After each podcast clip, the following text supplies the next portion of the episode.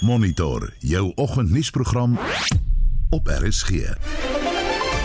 En vanoggend se program, Julie was die aarde se warmste maand nog terwyl die suidpoolse ys tot sy laagste vlak krimp. Boonop gaan Suid-Afrika die somer 'n El Niño stelsel beleef. Ons praat met 'n klimatoloog en 'n landbouekonoom. Nuwe navorsing beklemtoon die voordele wat stap inhou. Vir elke 1000 tree per dag wat jy meer stap, verminder jy jou risiko om aan enige siekte te sterf met 15%.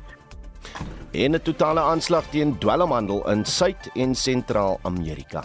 Die bendes het natuurlik na die kleiner dorpe toe beweeg en daar sou sien ons nou daar is tans 'n operasie aan die gang wat hy 7000 weermaglede gebruik het om die dorp te omsingel en 1000 polisiemanne ingestuur het om huis tot huis die bendes uit te haal en te arresteer.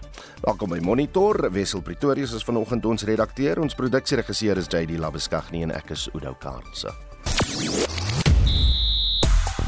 In jou sportnuus, ons kyk na die impak wat Andre Pollard se besering op die Springbokke se voorbereiding vir die Wêreldbeker gaan hê.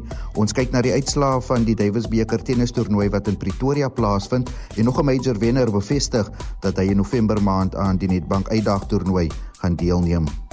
Nou sê weet die laaste 8 dae se Hitsmerk taxi straatjie gewildste hier in Suid-Afrika en berei jouself voor vir nog hiervan want die staking soos jy in die nuus gehoor het, deur Santaco in die Weskaap duur voort. Die vereniging natuurlik het gister bekend gemaak hulle wend hulself na in die howe om die taksies wat geskit is terug te kry. Nou Santaco sê daar behoort binne die volgende 48 uur daaroor besluit te word, maar wat ons vanoggend wil weet, oor die afgelope week se waansin. Sou jy geluister het na die leierskap van Santaco, die burgemeester van Kaapstad, die burgemeesterskomitee le JP Smit, die uh, nasionale minister van vervoer, die minister van polisie en na pendelaars wat deur die staking geraak word. Nou wil ons weet, wat dink jy wie dink jy het ware leierskap getoon tydens die afgelope week? Die tipe leierskap wat jou gerus stel dat 'n krisis in goeie hande is. En hoekom? En ons berig later in die program oor nuwe uh, gesaghebende navorsing wat toon dat selfs 2400 tree 'n dag gesondheidsvoordele inhou en jou langer laat leef. Ons wil jou weet, is jy 'n stapper en oortuig die tipe navorsing jou om te begin stap of daagliks verder te stap? Stuur 'n SMS na 45889, dit kos jou R1.50 per boodskap. Dis presies 10 minute na uh, 10 minute na 6. Nou president Cyril Ramaphosa sê Suid-Afrika het 'n beweging so kragtig soos die vroueoptog van 1956 nodig om geweld teen vroue en kinders te beëindig en vroue bemagtiging te bevorder. Hy het gister by die hoof Vrouedag vieringe by die Uniegebou in Pretoria gepraat. Anne Marie Jansen van Vierenburg. Die Vrouedagviering in Pretoria is deur duisende vroue bygewoon, insluitend een van die jongste betogers tydens die 1956 optog, Sophie Williams de Bruin. President Ramaphosa het in sy toespraak 'n sterk vrouebeweging bepleit. We need a movement as powerful as the women who marched on the union buildings to end violence against women and children but we also need a movement that will ensure that there is meaningful empowerment for the women of our country. We end patriarchy. We ensure that they become economically active. We need a movement that extends to every town and village, to every farm and homestead, every home and hostel. No one should be left behind or left out of this whole endeavor. Vroue het by die SAIK gekla oor die feit dat hulle steeds onderbetaal word vir dieselfde werk as hul manlike eweknieë. Daarom het die president gevra vir nuwe wetgewing wat vroue bemagtiging sal bevorder. In order to advance the lives of women, there must be policies and laws that focus and advance the women of our country. Our laws must have a bias towards improving the lives of women. And we would like to see, as we draft our laws, to ensure that we use a microscope to see how best the interests and the lives of our women can be improved. And that is a process that the women who sit in my cabinet are also beginning to make sure that it happens because this will deal a blow against patriarchy. Die president het ook gevra vir die professionalisering van vroue sport, veral sokker en netbal. Albei spanne het onlangs indrukwekkende vertonings by hul wêreldbeker byeenkomste gelewer. Banyana Banyana and the Protea netball team did our country extremely proud recently. They put our flag on the global map. And I call upon our sporting organizations, I call upon the sponsors of sport to ensure that we have professional leagues, particularly in football as well as netball. Once we have professional leagues that will encourage and sharpen the skills of the women of our country, I have no doubt that the World Cup could be in our hands very soon. Sophie Williams de Bruin het in haar toespraak die regering aangespoor om maniere te vind om vroue mishandeling te beëindig. We have the predatory gender-based violence battle which has reached shocking levels. No woman is safe, young and old. As we gather here today, please let us consider all of these issues in our own spaces and where we can make a difference. I would personally plead that we move away from generalities to finding practical measures to address these challenges. Ntebo Mkobo het hierdie verslag in Pretoria saamgestel en ek is Anne Marie Jansen van Vuren vir SAK nuus. Soos ons in die nuus gehoor het, gaan die nasionale uh, nasionale taksiraad Santako nie sy dienste vandag in die Weskaap hervat nie. Die taksiraad sê sy regspan gaan 'n dringende hofbevel aanvra dat alle taksies wat deur die Kaapstad se verkeersowerheid geskit is, terugbesorg moet word. Santaco eis verder dat geen taksies geskit mag word terwyl onderhandelinge tussen die raad en die verkeersowerheid voortgaan nie. Gister het Santaco se Gershon Geier gesê hulle is teleurgestel dat die geskil met die Kaapstad Metro en die Wes-Kaapse regering nog nie opgelos is nie en dat die staking voortduur.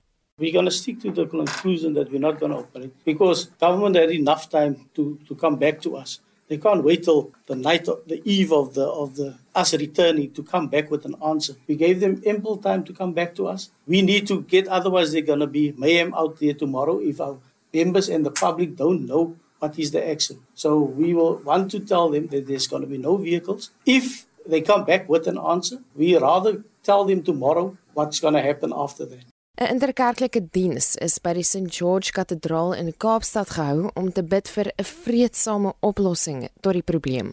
Sedert die begin van die staking 'n week gelede, is 5 mense dood en duisende pendelaars gestrand gelaat. Baie skole, besighede, klinieke en fabrieke moes sluit weens die onrus en verskeie voorvalle van geweld het voorgekom, insluitend die afbrand van busse en fasiliteite. Winkels het ook 'n tekort aan noodsaaklike voorraad soos brood, aangesien afleweringe nie kon plaasvind nie. Die ANC Caucus gaan vandag in die provinsiale wetgewer versoek dat 'n dringende debat gehou word oor die taksiestaking. Intussen het die stad Kaapstad gesê die beskerming van pendelaars en openbare veiligheid in die algemeen is 'n prioriteit. Veiligheidsbegeleidingsdienste sal ook uitgebrei word na voedselafleweringsvragmotors in gemeenskappe sover hulpbronne beskikbaar is. Die burgemeester Jordan Hill Lewis sê die stad is gereed om enige tyd onderhandelinge te hervat solank Santaku by die interdik teen geweld en ontwrigting hou. En dit was Marlene Forsie. Nou vir iets heeltemal anders. Voorheen is geglo geglo dat die hoeveelheid tree wat jy moet loop 'n dag veel meer behoort te wees om jou gesond te hou. In 'n studie wat pas in die Europese Joernaal vir Voorkombare Kardiologie bekend gestel is, is egter bevind dat selfs 2337 tree 'n dag die risiko om uh, aan jou hart of bloedvate dood te gaan verminder. Verder is bevind dat uh, 3967 tree 'n dag die risiko risiko om aan enige oorsaak dood te gaan verminder. Die wetenskapjoernalis en wetenskapkommunikasie dosent George Klassen verduidelik. Hulle het gekyk na 17 verskillende studies wat oor 'n tydperk van jare gedoen is oor die voordele of nadele wat stap vir mens kan inhou. So hulle die getalle van en die resultate van hierdie 17 studies gepat waarby 226000 mense betrek is wêreldwyd oor die tydperk waarin hierdie studies gedoen is. So dit lyk tog volgens hierdie studies of gesondheidsvoordele meer word hoe meer jy stap. Wat is nog bevind? Ja, hulle basiese bevinding kom doodgewoon daarop neer hoe meer jy stap hoe beter vir jou gesondheid. En dan het hulle allerlei statistiese ontledings gedoen oor hoeveel meer jy dan stap 'n uh, gewenste werking op jou gesondheid sal hê. Byvoorbeeld, hulle het bevind dat vir elke 1000 tree per dag wat jy meer stap, verminder jy jou risiko om aan enige siekte te sterf met 15%. En as jy dit 500 tree stap, dan sal dit 7% vermindering in risiko is vir kardiovaskulêre siektes. Was daar bewyse dat 'n onaktiewe leefwyse bydra tot 'n groter kans dat 'n mens hartverwante siektes kan ontwikkel? Ja, nee, daar's omvattende studies daaroor. Dit is al oor jare gedoen wat hierdie studie nou gedoen het. Hulle het behoorlik gekyk net na die effek van gewone stap. Mense is geneig om stap te onderskat as 'n oefening. Hulle wil almal of fietsry of draf of swem of allerlei ander uiterste aktiwiteite beoefen terwyl stap dikwels onderskat word en die feit bly staan is daar is baie studies wat uh, een van hierdie studies wat in die meta-studie betrek is het reeds beklemtoon dat as mense net baie meer mobiel is beweeg beweeg beweeg is een van die groot slagspreuke wat mediese deesdae vir mense sê en veral mense wat ouer word word dit net soveel belangriker. Wanneer jy staties is en niks doen nie, dan dan gaan jou liggaam tot nik en dit is wat hierdie studie juis probeer beklemtoon of probeer bevind het. Wat is die waarde van stap? So het ouderdom en geslag en hierdie tipe van faktore 'n invloed gehad op wat hulle na gekyk het? Ja. Vir mense wat ouer as 60 is, was die grootte van die vermindering van risiko was bietjie kleiner as mense jonger as 60 want uit die aard van die saak mense wat jonger as 60 is met minder kwale oor die algemeen. Maar by ouer mense wat oor die 60 is was daar 42% vermindering in risiko wat kardiovaskulêre siektes betref vir mense wat tussen 6000 en 10000 tree elke dag stap. Ek gebruik die woord tree want hulle praat van steps en ek weet baie van hierdie sogenaamde lewenshorlosies wat tree tel per dag werk met die sogenaamde steps en nie met per meter nie. En by mense wat jonger is, onder 60, was daar 'n 49% vermindering in risiko as hulle tussen 7000 en 13000 tree stap per dag. Die studie het ook bevind dat daar verskil is tussen mans en vrouens. Die wyse waar vrouens meer vrouens as mans 32% teenoor 23% en mense in die hoër inkomste groepe of die lande wat hoër inkomste gereken word teenoor die laer inkomste lande het getoon dat hierdie aktiwiteite wesenlike uitwerking het. Jy sien byvoorbeeld in hoër inkomste lande kry dikwels dat mense gemaksigtig is hulle klim in hulle motors en hulle stap nêrens hier terwyl in laer inkomste lande met mense baie keer ver stap om by 'n winkel te kom of by 'n kliniek of waar ook al is. So hierdie navorsers het ook genoem dat dit belangrik is om 'n goeie dieet en 'n gesonde lewenstyl te hê te midde van baie goeie medisyne wat beskikbaar is. Ja, hulle het dit sterk bekend in hulle navorsing dat wat hulle eintlik hier bevind is niks nuut nie. Want daar was al jare gesê dat mense oor die algemeen leefstyl veranderinge moet aanwend. En dit sluit in die dieet wat jy eet, die kos wat jy eet en oefening en die twee gaan hand aan hand en wat hulle nou eintlik wou vasstel is in hoe mate is die onderskatte oefening so stap wat mens maklik kan doen want jy kan baie stap in jou lewe nie na die kafee toe ry met jou motor as jy die kafee net 500 meter weg is van jou. Jy kan nie meer stap. En dit is die soort van leefstyl aanpassings wat die navorsers versterk beklein het die studie is gedoen deur die universiteit van Lodz in Pole en Johns Hopkins in die VSA dit was 'n gesamentlike internasionale navorsingsstudie Die stem daar van die wetenskapjoernalis en wetenskapkommunikasie dosent George Klassen en hy het met ons Mitsi van 'n Merwe gepraat. Ons susterprogram Naweek Aktueel het Saterdag berig oor 'n totale aanslag teen dwelmhandel in Suid- en Sentraal-Amerika. Vandag voer ons die storie verder. President Nayib Bukele van El Salvador het 'n taakmag van 7000 soldate en meer as 1000 polisielede ontplooi om 'n gebied van 1000 vierkante kilometer in die Cabana-streek te omsingel met gepaardgaande klopjagte. 70000 vermeende bendelede is in die proses in hegtenis geneem. Op albeer het die Brasiliane verlede week ook grootskaalse klopjagte op dwelmbendes in Rio de Janeiro uitgevoer. Willem Els van die Instituut vir Sekuriteitsstudies in Pretoria het die agtergrond aan Anita Visser geskets. Daar is baie geld op die spel. Daar is baie misdaad betrokke en natuurlik al die ander syndikaate wat daarmee saamgaan wat dit ondersteun. En dit plaas natuurlik die regerings onder geweldige druk om dan wet en orde te handhaaf. So El Salvador, as ons gaan kyk na jou moordindeks, dit is nou hoeveel mense per 100 000 vermoor word per jaar, dan lê hy op die oomblik op nommer 1 in die wêreld. As jy gaan kyk na Suid-Afrika wat op nommer 3 lê in terme van daai indeks. Wie lê op nommer 2? Op nommer 2 kan jy kyk na Papua New Guinea, Afghanistan, Sirië, Somalië en natuurlik Brasilië wat ook redelik hoog lê daar. Nou kom ons kyk na die manier waarop Nayib Bukele hierdie misdaad probeer beveg. Daar is nou 70000 lede van bendes gearresteer en nuwe tronke is gebou en so aan. Op die langtermyn het jy al vir my gesê dit sal alles afhang van samewerking van sy bure af. Nou ons weet Honduras werk mooi saam met Bukele. Hoe naas die verhouding tussen Brasilië en El Salvador? Is daar samewerking daar? Want ons weet die Brasiliane is ook op die oomblik besig met klopjagte op dwelmbendes. Ons sien dat daar 'n redelike samewerking, maar ons sien ook dat aangesien hulle so uh, baie eensstemmige probleme het, Brasilië sukkel op al die afgelope paar jaar om wet en orde te herstel, waar hulle dan inbeweeg met groot operasies Ons sien dit gaan gewoonlik gepaard met redelike hoë lewensverlies aan beide kante, maar die probleem is met Brasilia, hulle onttrek. Hulle gaan in en dan onttrek hulle en dan kom die bendes hulle neem net weer oor. Nou as jy gaan kyk wat in El Salvador gebeur, is dit lyk of wat president Bukele gedoen het. Hy het sy huiswerk in die eerste plek gedoen, gekyk wat wetgewing in plek is, toe het hy die tronke gaan bou om die mense te kan akkommodeer en toe het hy ingegaan met 'n volhoubare dryf waar hy natuurlik 'n geweldige hoeveelheid weermag en polisielede ingestuur het hmm. en waar hulle dele skoon maak en waar hulle skoon gemaak het behou hulle hulle teenwoordigheid om te verhoed dat hulle terugbeweeg.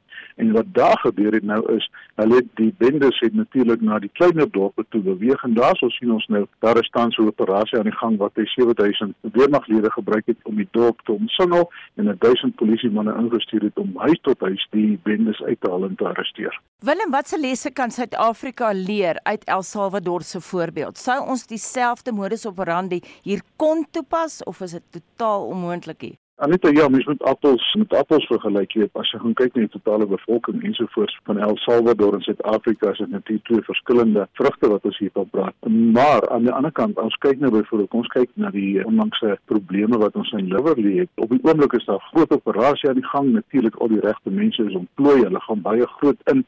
Hulle arresteer 'n klomp mense ensovoorts. En so, maar ons voorsien dat binne 'n week of twee gaan die polisie natuurlik onttrek en dan gaan die mense net weer intrek.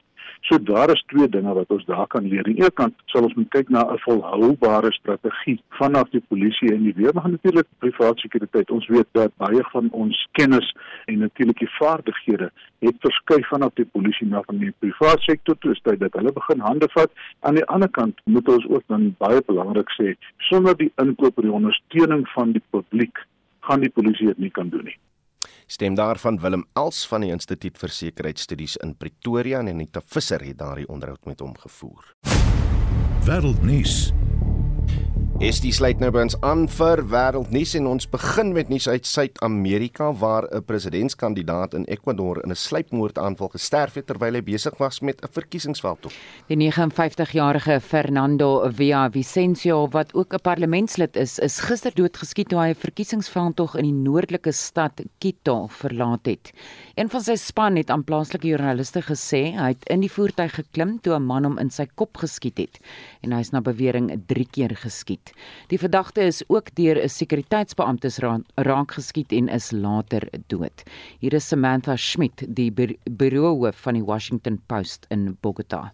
This is a really a brazen assassination that is stunning Ecuador, and it's really unprecedented in this country, which is a historically peaceful country that has recently been consumed by drug trafficking violence. And uh, in the aftermath of this attack, two other presidential candidates have said that they are actually suspending their campaigns in response to this, you know, to the security threats, but also to respect this event. And the, uh, you know, the president is meeting with all of his security cabinet right now and trying to decide what comes next. Whether he will, you know, call some sort of a uh, nationwide state of exception, it is still unclear. En dit was Samantha Schmidt die bureau van die Washington Post in Bogota en die eerste ronde van daardie presidensiële verkiesing vind op die 20ste Augustus plaas. Nie Suid-Afrika se dan ekonome in Uganda sê die Wêreldbank se skuif om lenings aan hierdie land toe te staan weens sy uh, teengay wetgewing kan Uganda se ekonomiese groei laat tuimel.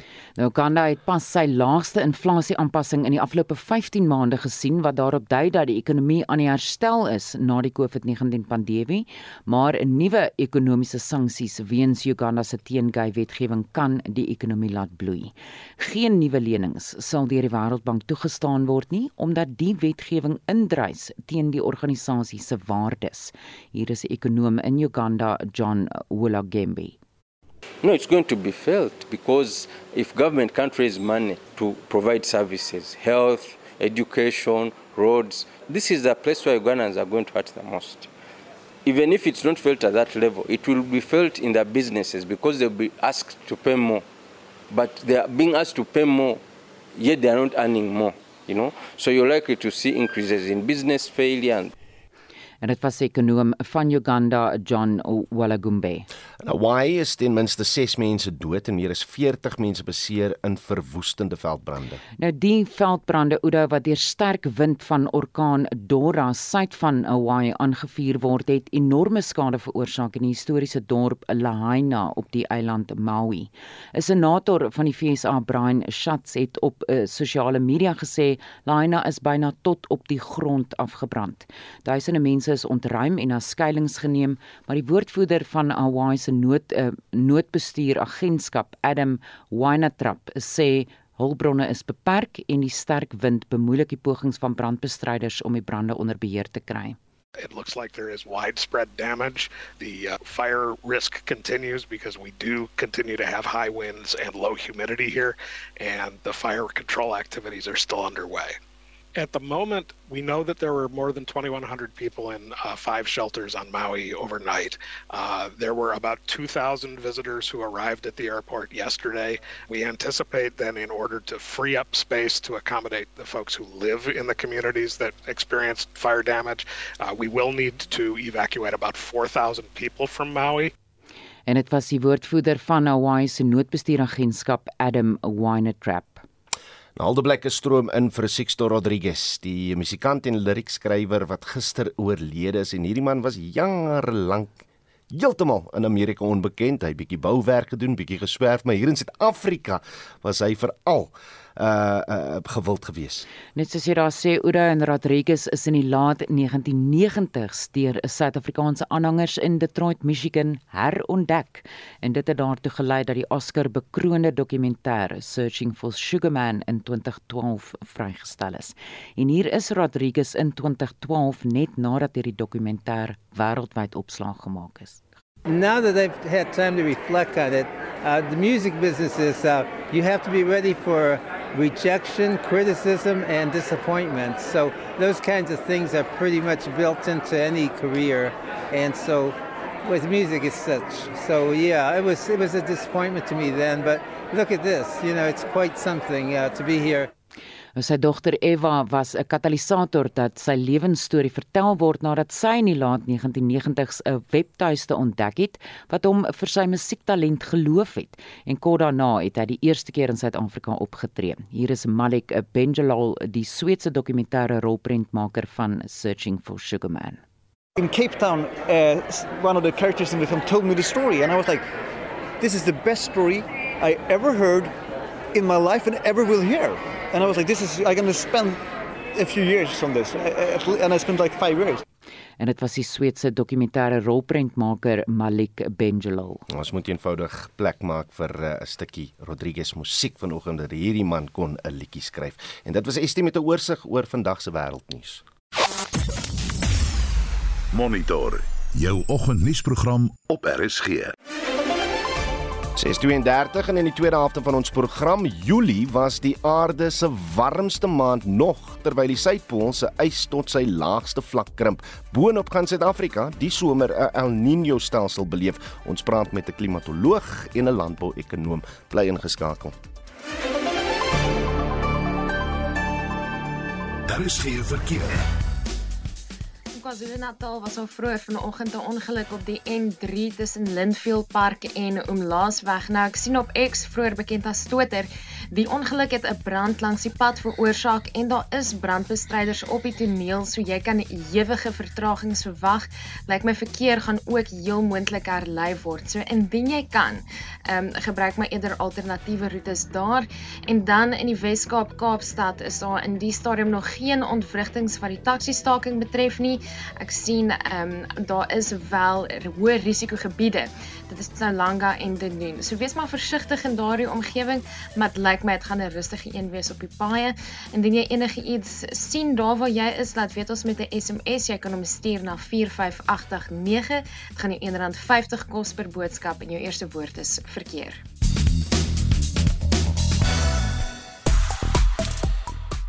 Nou jy het gehoor vanoggend in die nuus dat die taxi staking voortgaan duur vir ten minste die volgende 48 ure en ons wil vanoggend weet nadat jy nog geluister het na die leierskap van Santako na die burgemeester van Kaapstad, uh, die burgemeesterskomitee JP Smit, die nasionale minister van vervoer, die minister van polisie, al die karakters wat 'n uh, kommentaar gelewer het oor hierdie staking, wil ons eenvoudig net weet wie dink jy het ware leierskap getoon tydens die afgelope week?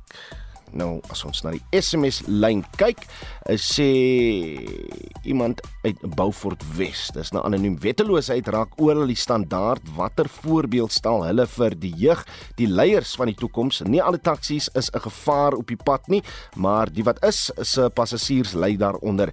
Hier ry duisende taksies deur en ons sien hoe hulle padreëls nakom of nie.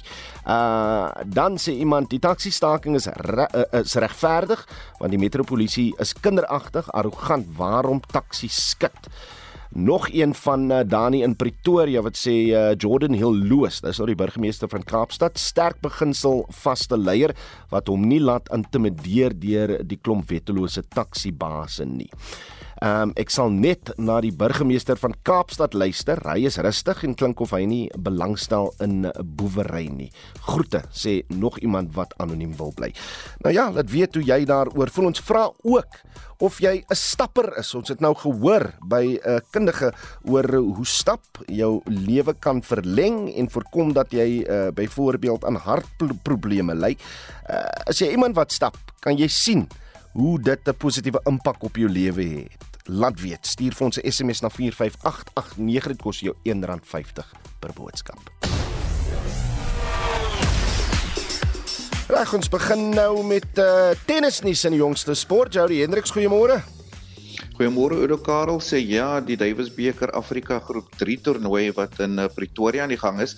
Nou vanoggend om 10:00 kom Suid-Afrika teen die voorkus te staan. Gister uitstekende dag vir span Suid-Afrika. Hulle het 3-0 met Algerië in hul eerste rondom talie wedstryde afgereken en dit is wat die span se kaptein Christo van Rensburg oor die sege te sê gehad het. Ons het vandag gewen vir uh, Algerië en dit was baie interessant om te sien hoe die nuwe spelers gespeel het vandag. Uh, Devin Barnos het sy eerste wedstryd gespeel vir Suid-Afrika en vinnig het hy goed begin speel en vir almal gewys die kragtennis wat hy het en baie baie gelukkig met hoe hy presteer het in die wedstryd. En na hom was dit Philip Henning wat ek nou al ken vir die laaste 2-3 jaar wat vir my gespeel het in Davis beker. Hy het uitgekom en ek kan klaar sien die laaste jaar wat hy by college is, het hy nog beter en beter geword.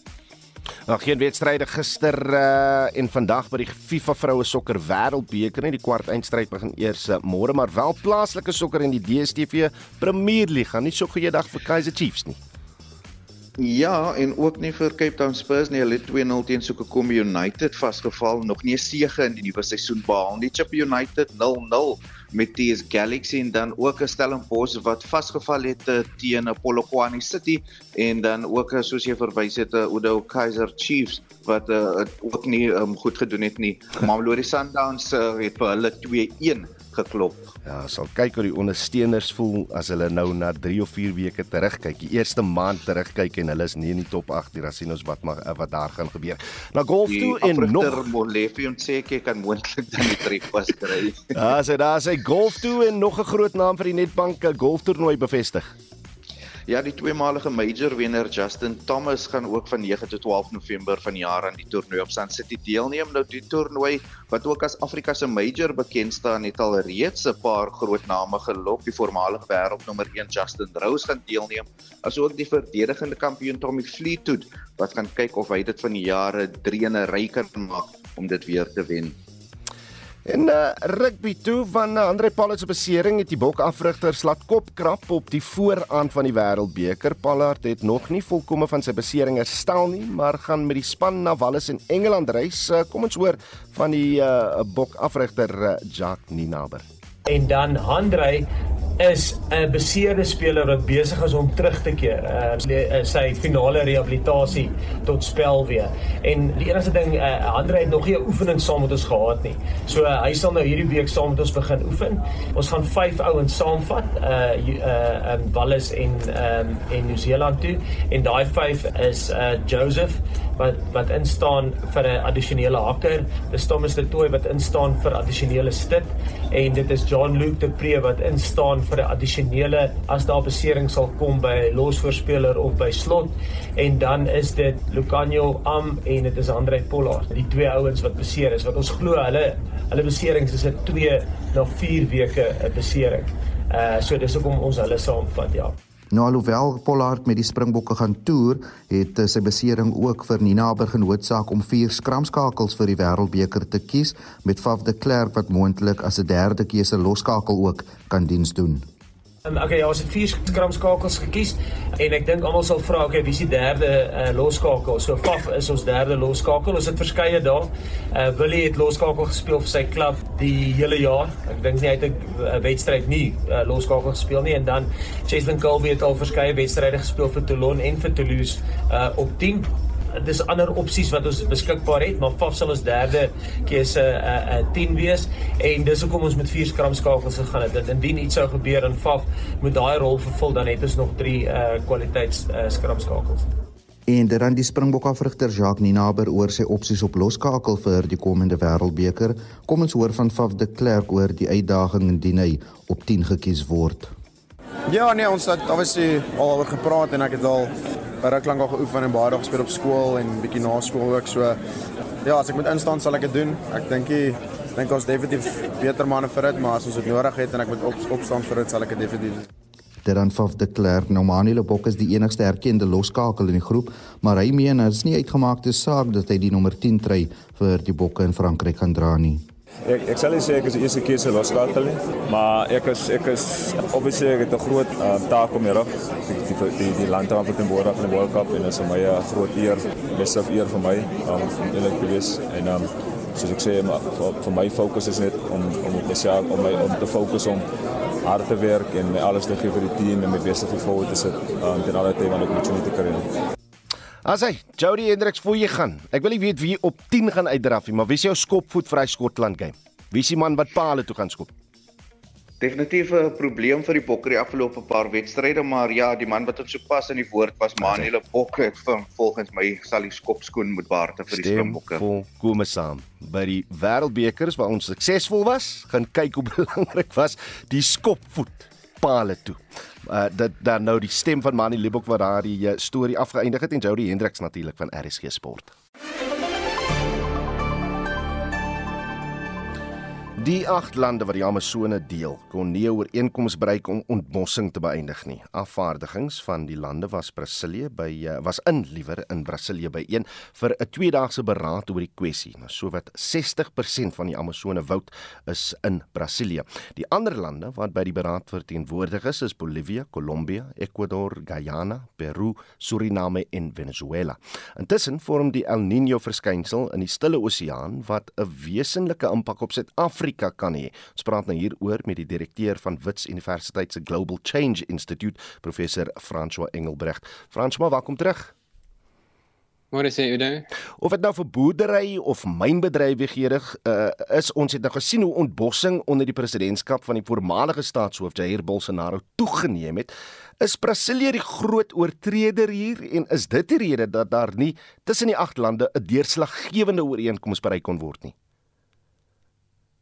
Goeie ja, onder president Bolsonaro het Brasilië se aansien internasionaal natuurlik vreeslik afgeneem weens die vernietiging van die Amazonwoud wat onder sy leiding toegeneem het. So hy het baie van die omgewingsregulasies verslap wat veronderstel is om die Amazone te beskerm. En die nuwe president Lula da Silva, hy het natuurlik van die begin af gesê sy reputasie en sy doelwit gaan berus om die Amazone se vernietiging om te keer. Mm. En hy het reeds Brasilië verbind om die vernietiging van die Amazonwoud, die ontbossing, tot 'n einde te bring teen 2030. En dit kan hy natuurlik doen vir Brasilië. Mm. Maar sy groot hoop was nou om met hierdie ehm um, konferensie, hierdie byeenkoms van die sogenaamde Amazone same samewerkings en verdragorganisasie en jy het in die agt lande genoem. Mm. Hy wou gehad het natuurlik dat al die ander lande wat dele van die Amazone woud besit ook sal saamstem en formeel hulle sal verbind daartoe om ontbossing in die Amazone woud tot 'n einde te bring teen 2030. Nou ongelukkig was die ander lande nog nie gereed om hierdie verbintenis te maak nie en die die byeenkoms word nou in 'n mate beskou as 'n mislukking. Maar aan die positiewe kant het hierdie lande vir die eerste keer in 14 jaar weer byeengekom om te praat oor die beskerming van die Amazone. So dit is eintlik 'n positiewe stap. Da daar's so 'n fyn balans tussen die Sahara en die Amazone. Stof uit die woestyn trek hier oor die Atlantiese Oseaan. Die stof sak dan toe op die Amazone streek en voorsien plantvoedsel wat dan help met die vrystelling van suurstof.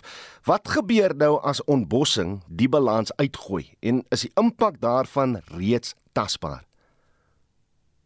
Ja, dit is nie ongelooflik nie hoe die hele aardstelsel al hierdie interverbintenisse het.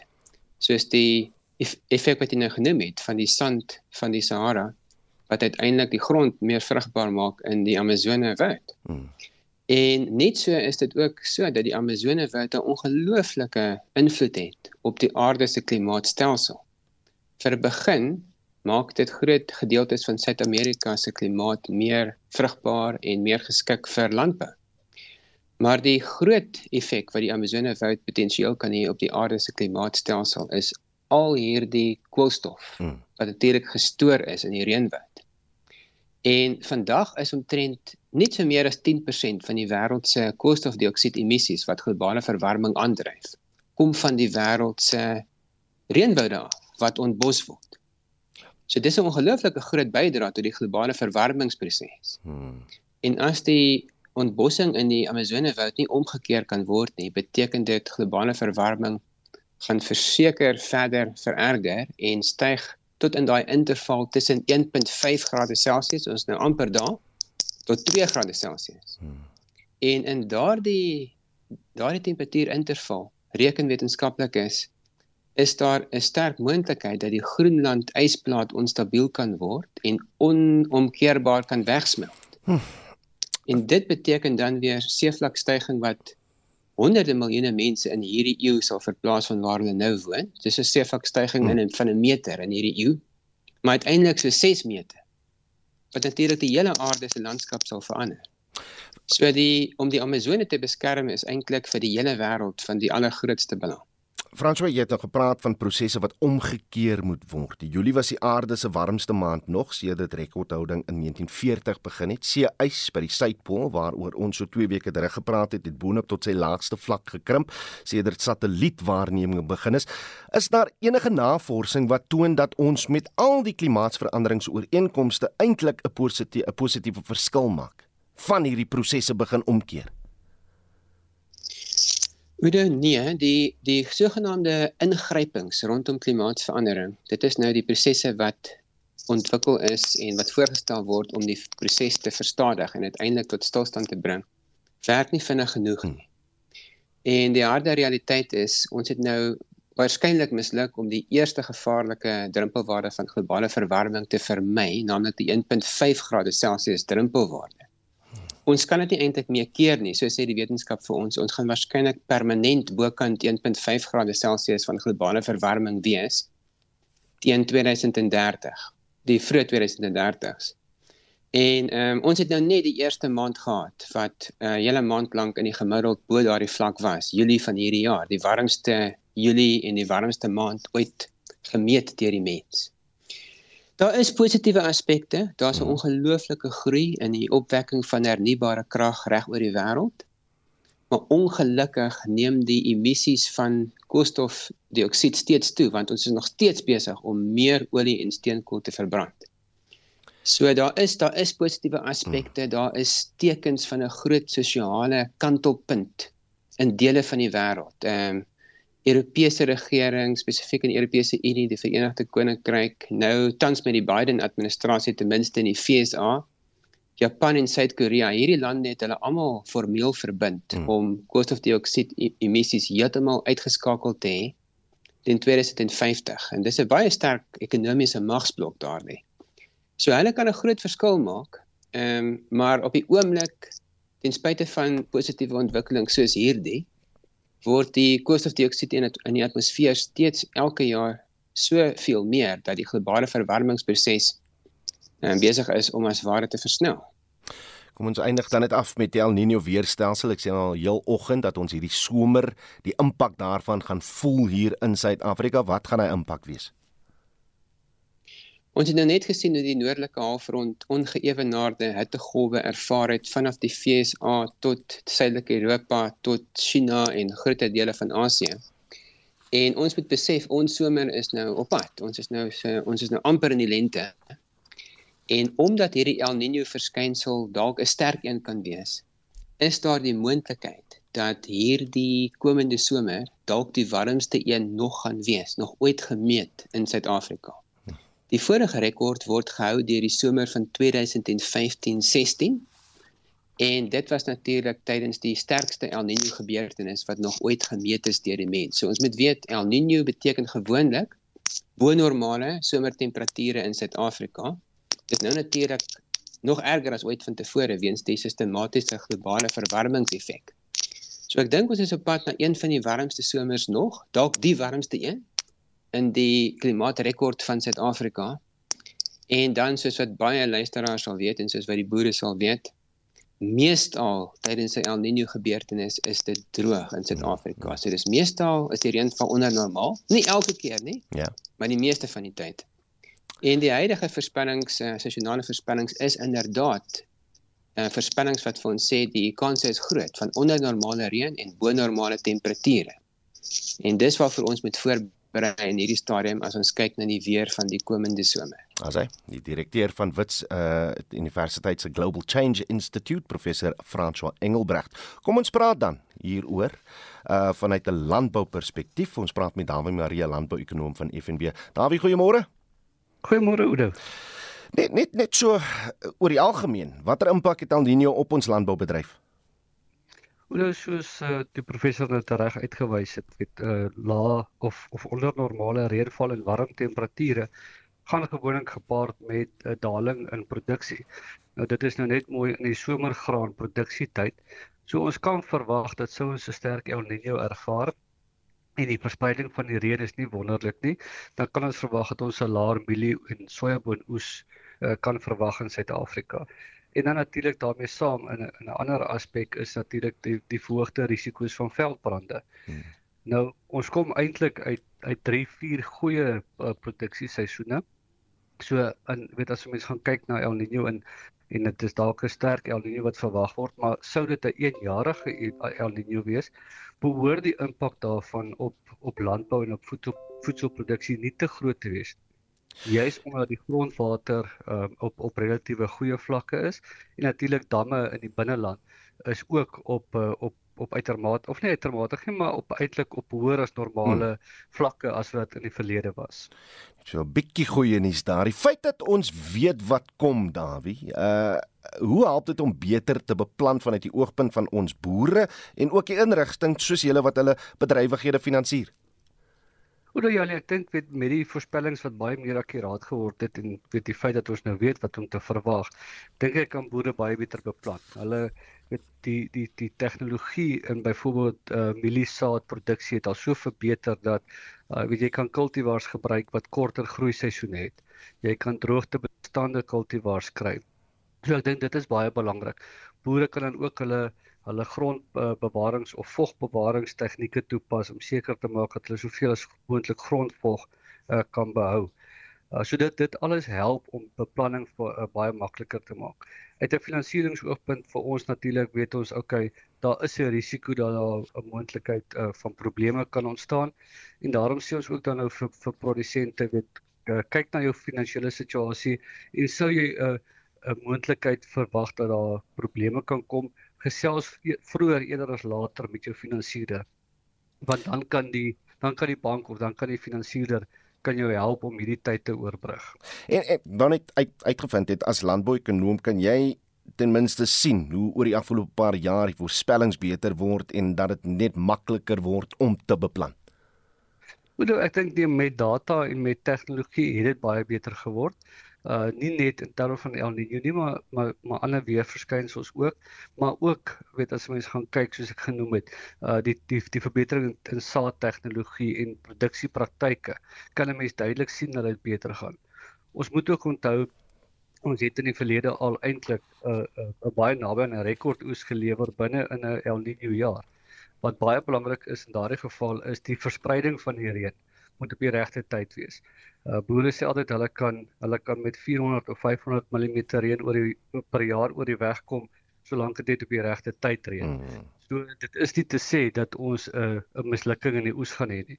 En in elk geval sou daar so geval wees dat ons 'n baie lae mielieoes het, die oordrag voorraad van hierdie jaar af gaan baie goed wees. So ek dink die verbruiker en die man op straat moet bekommerd wees oor voedselsekuriteit nie. Ons het meer as genoeg voedsel in Suid-Afrika dit gaan maar eintlik meer net oor die bekostigbaarheid daarvan. As hy, Dawie Marie is 'n landbouekonoom by FNB. Nou soos ons in die wêreldnuus berig het, is die Amerikaanse sanger Sixto Rodriguez op 81 oorlede. Rodriguez was bekend vir treffers soos Sugar Man en I Wonder. Die musikant was uh, baie gewild in Suid-Afrika, maar het eers wêreldwyd bekend geword na die dokumentêr Searching for Sugar Man in 2012 uitgereik is. Hier is hy met Establishment Blues.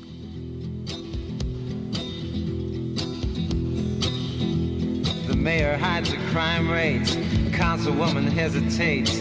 Public gets irate, but forgets to vote dates. Weatherman complaining. Predicted sun, it's raining. Everyone's protesting. Boyfriend keeps adjusting. You're not like all of the rest. Garbage ain't collected. Women ain't protected. Politicians using people they're abusing. The mafia's getting bigger, like pollution in the river.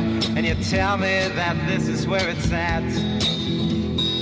Woke out this morning with an ache in my head. I splashed on my clothes as I spilled out of bed. I opened the window to listen to the news, but all I heard was the establishment's blues. Gun sales are soaring. Housewives find life boring. Divorce the only answer. Smoking causes cancer. This system's gonna fall soon to an angry young tune. And that's a concrete cold fact. The Pope digs population. Freedom from taxation. Teeny bops are uptight. Drinking at a stoplight. Miniskirt is flirting. I can't stop, so I'm hurting.